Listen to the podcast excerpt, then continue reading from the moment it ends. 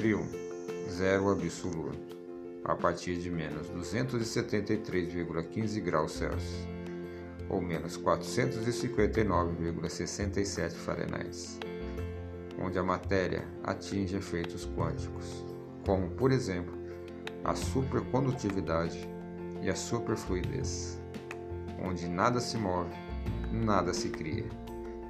O frio e o calor, uma transição necessária. Por trás de tudo isso, lá está ela, vindo novamente, de braços abertos, a nossa linda primavera. E com ela, toda luz, toda magia e um novo caminho para todos nós. Rumo ao verão. Logo estaremos quentes e exaustos de novo, desejando aquele friozinho. Tudo passa a vida, os amigos, a família e a saudade.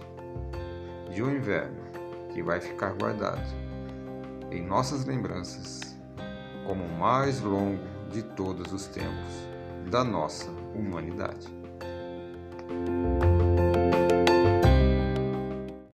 Frio, zero absoluto, a partir de menos 273,15 graus Celsius ou menos 459,67 Fahrenheit, onde a matéria atinge efeitos quânticos, como, por exemplo, a supercondutividade e a superfluidez, onde nada se move, nada se cria. O frio e o calor, uma transição necessária. Por trás de tudo isso, lá está ela, vindo novamente de braços abertos. A nossa linda primavera.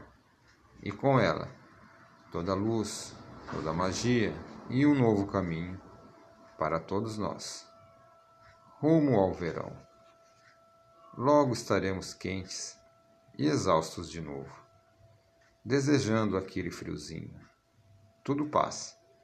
A vida, os amigos, a família e a saudade de um inverno que vai ficar guardado em nossas lembranças como o mais longo de todos os tempos da nossa humanidade.